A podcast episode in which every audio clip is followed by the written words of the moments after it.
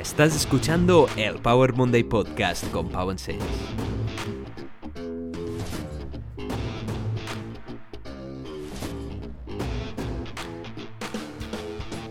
Bienvenidos a Power Monday Podcast, soy Pau, tu apasionado de fitness, motivación y ciencia. Y hoy te traigo un episodio corto pero muy poderoso, donde voy a hablar un poco de filosofía estoica con una frase de Marco Aurelio y después una historia y unos principios que me gustan mucho, que son muy importantes hoy en día. Así que, sin más dilación, vamos a por la frase de Marco Aurelio. Si te sientes angustiado por cualquier cosa externa, el dolor no se debe a la cosa en sí, sino a tu propia estimación sobre ella. Así pues, tienes el poder de eliminarlo en cualquier momento. La voy a repetir. Si te sientes angustiado por cualquier cosa externa, el dolor no se debe a la cosa en sí, sino a tu propia estimación sobre ella. Así pues, tienes el poder de eliminarlo en cualquier momento. De Marco Aurelio. Como dice la canción de Chojin, un nuevo yo despierta, la diferencia real entre el día en que te sientes capaz y ese en el que te crees que ya no puedes más está en cómo te sientes, no está en tu capacidad, la capacidad la tienes y se mantiene exactamente igual cada día. De esto creo que va un poco la frase de Marco Aurelio. Marco Aurelio, el autor de esta frase, también apodado el sabio o el filósofo, fue un emperador del Imperio Romano desde el año 161 hasta su muerte en el 180.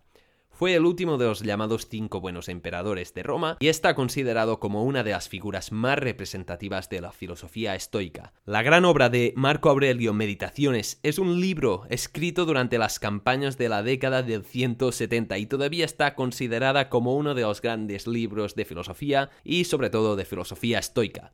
Hoy en día este libro sigue siendo un best-seller y la gente sigue acudiendo a él para encontrar inspiración y pensamientos muy importantes y principios básicos de filosofía estoica. La verdad es que me lo estoy leyendo y es increíble, te lo recomiendo muchísimo, te dejo el enlace en la descripción. Y ahora te voy a contar una historia que se relaciona un poco con la filosofía estoica.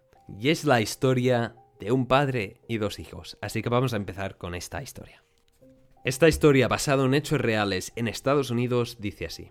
Era un hombre amargado y cruel, un alcohólico y drogadicto que estuvo a punto de matarse en varias ocasiones. En la actualidad cumple una sentencia de cadena perpetua por el asesinato del cajero de una tienda de licores que se interpuso en su camino.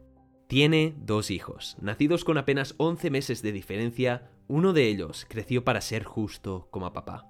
Un drogadicto que vivió del robo y de las amenazas a los demás hasta que también acabó en la cárcel por intento de asesinato. Sin embargo, su hermano tiene una historia completamente diferente. Hoy en día es un hombre feliz que educa a tres hijos y disfruta de su matrimonio y parece disfrutar también de su trabajo como director regional de una gran empresa nacional. Es una persona físicamente delgada y no es adicto ni al alcohol ni a las drogas. Y la pregunta es, ¿cómo es posible que estos dos hermanos hayan resultado ser tan diferentes después de haber crecido ambos en el mismo ambiente? Después de haber crecido con las mismas circunstancias. A ambos hermanos se les preguntó en privado, sin que supieran también que se le había preguntado a otro la siguiente pregunta. ¿Por qué has dirigido tu vida por este camino? Sorprendentemente, ambos dieron la misma respuesta. Y la respuesta fue, ¿y en qué otra cosa me podría haber convertido después de haber crecido con un padre como el mío? Lo increíble de esta historia es que la diferencia entre estos dos hermanos no fueron sus circunstancias, fueron las creencias respecto a sus circunstancias. El mismo origen y dos destinos completamente distintos. Y es que a menudo nos vemos inclinados a creer que las circunstancias controlan nuestras vidas y que el ambiente nos ha configurado tal y como somos hoy.